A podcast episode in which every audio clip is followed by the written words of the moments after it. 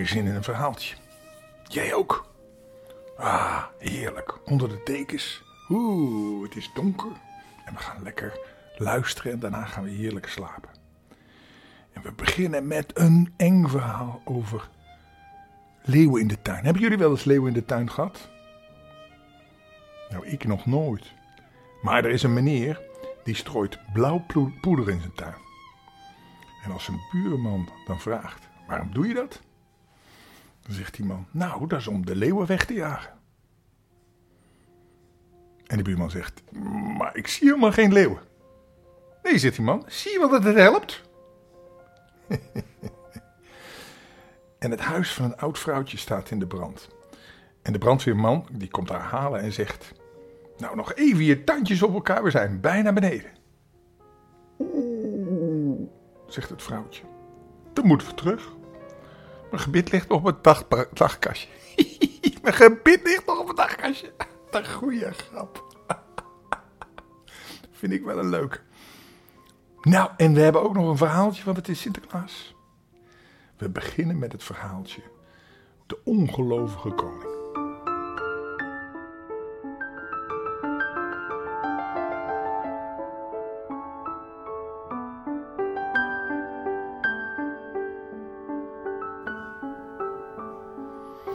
Niet zo heel lang geleden, niet zo ver hier vandaan, woonde er eens een koning. En zijn naam was koning Aldobert. En naar hem is ook de hoofdstad genoemd, Aldoberta. Die lag aan de zee, bij de duinen. En daar stond een gestreepte vuurtoren op de duinen om de schepen veilig naar de grote haven te loodsen. En koning Aldobad had vier dochters en drie zonen.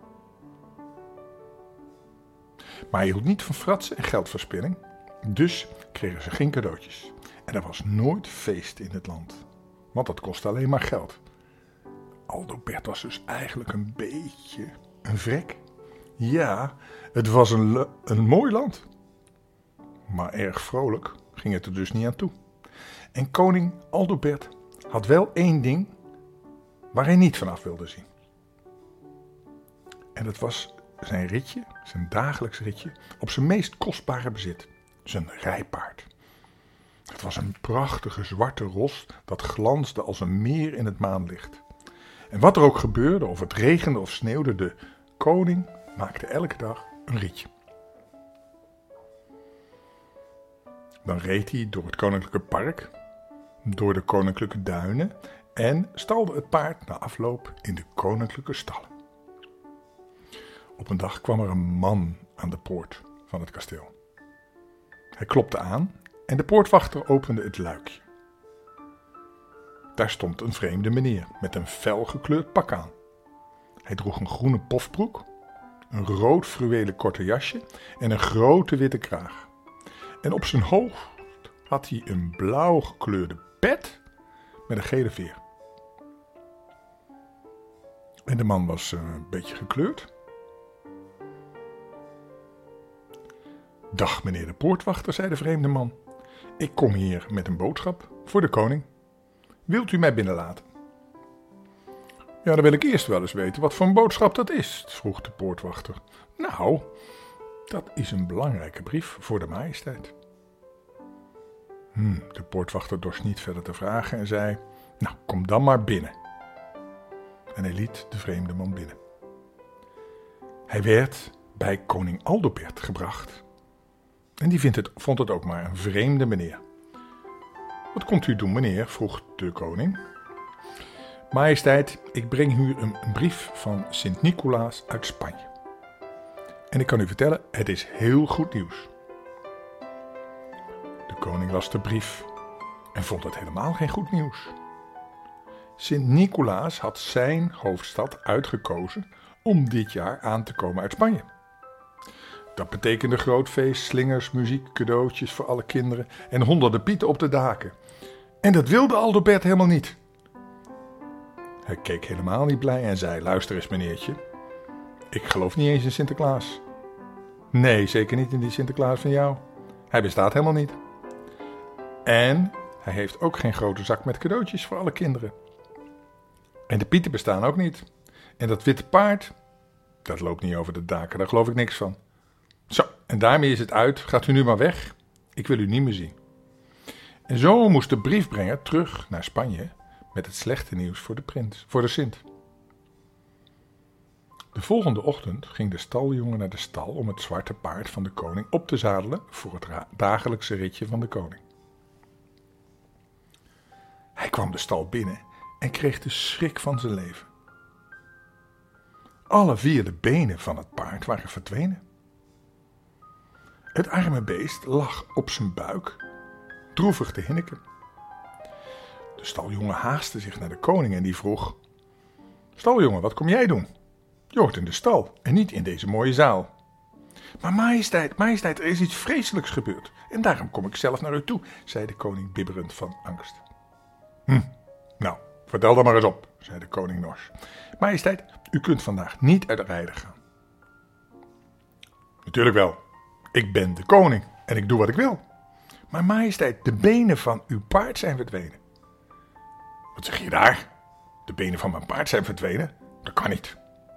Nou, komt u zelf maar kijken, majesteit. Het is echt waar, zei de staljongen. De koning stapte naar de stal, zo snel hij daar kon. Zonder te rennen natuurlijk, want een koning rent nooit. En daar zag hij dat het was, waar was. Daar lag zijn lievelingspaard, zonder benen in het stro.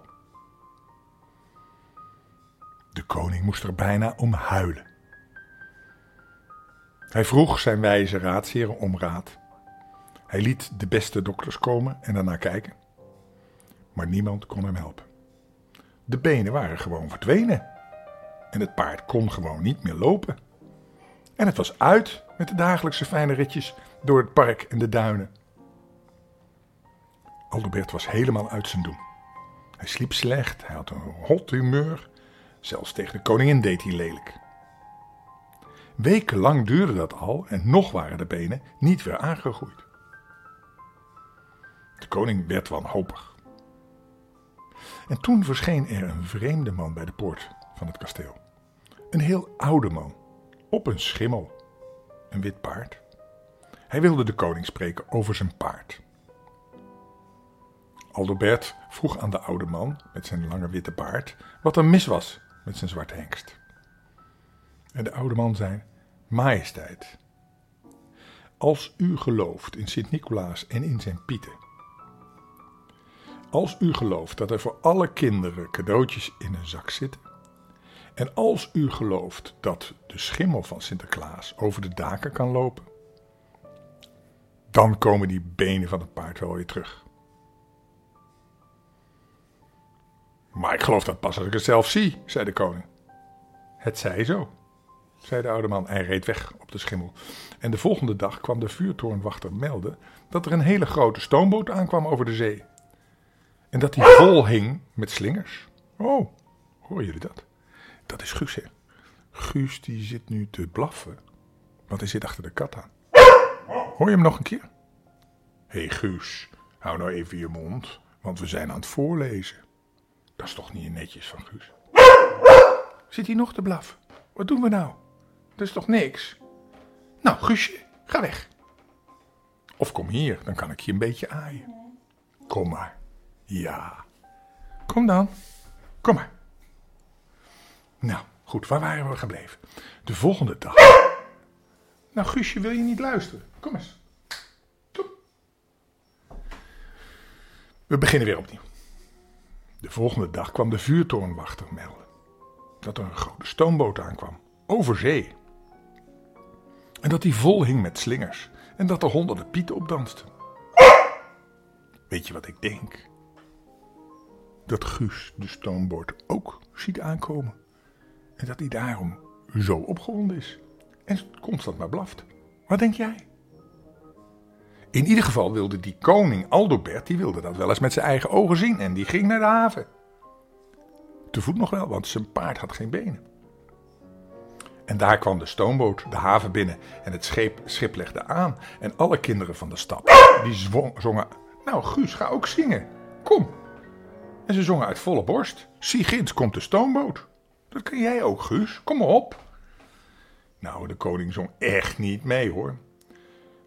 En Sinterklaas kwam aan land en ging naar de koning toe en hij vroeg: Dag majesteit, weet u wie ik ben?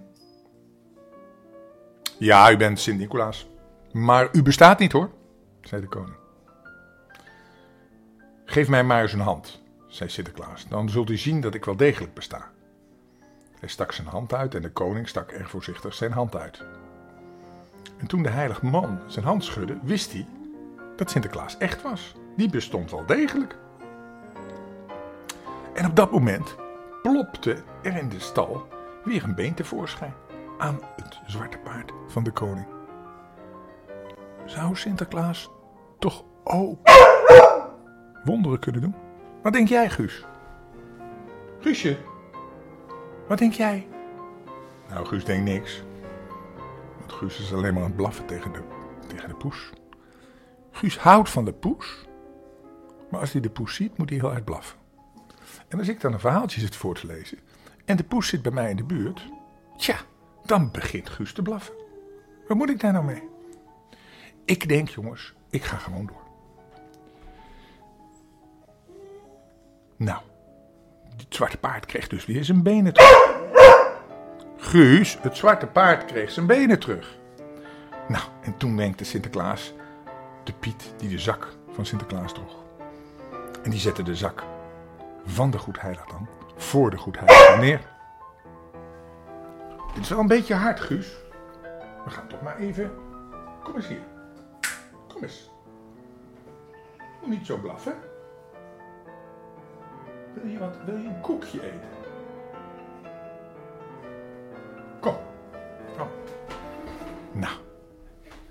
Hopen dat Guus nou maar een beetje stil is, hè? want uiteindelijk, laten we eerlijk zijn, nu komen de cadeautjes.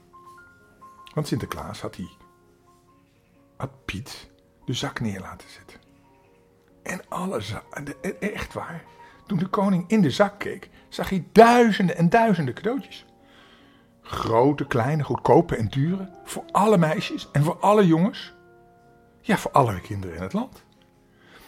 En toen geloofde de koning er toch echt in. Alle cadeautjes in één zak. En in de stal plopte er weer een been uit zijn zwarte paard tevoorschijn.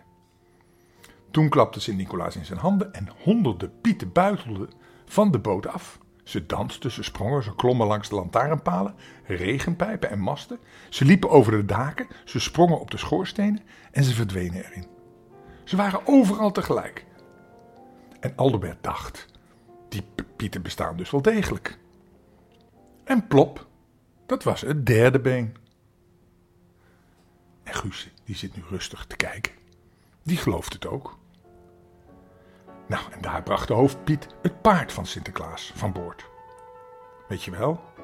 O, zo snel. En hij gaf de teugels aan Sint.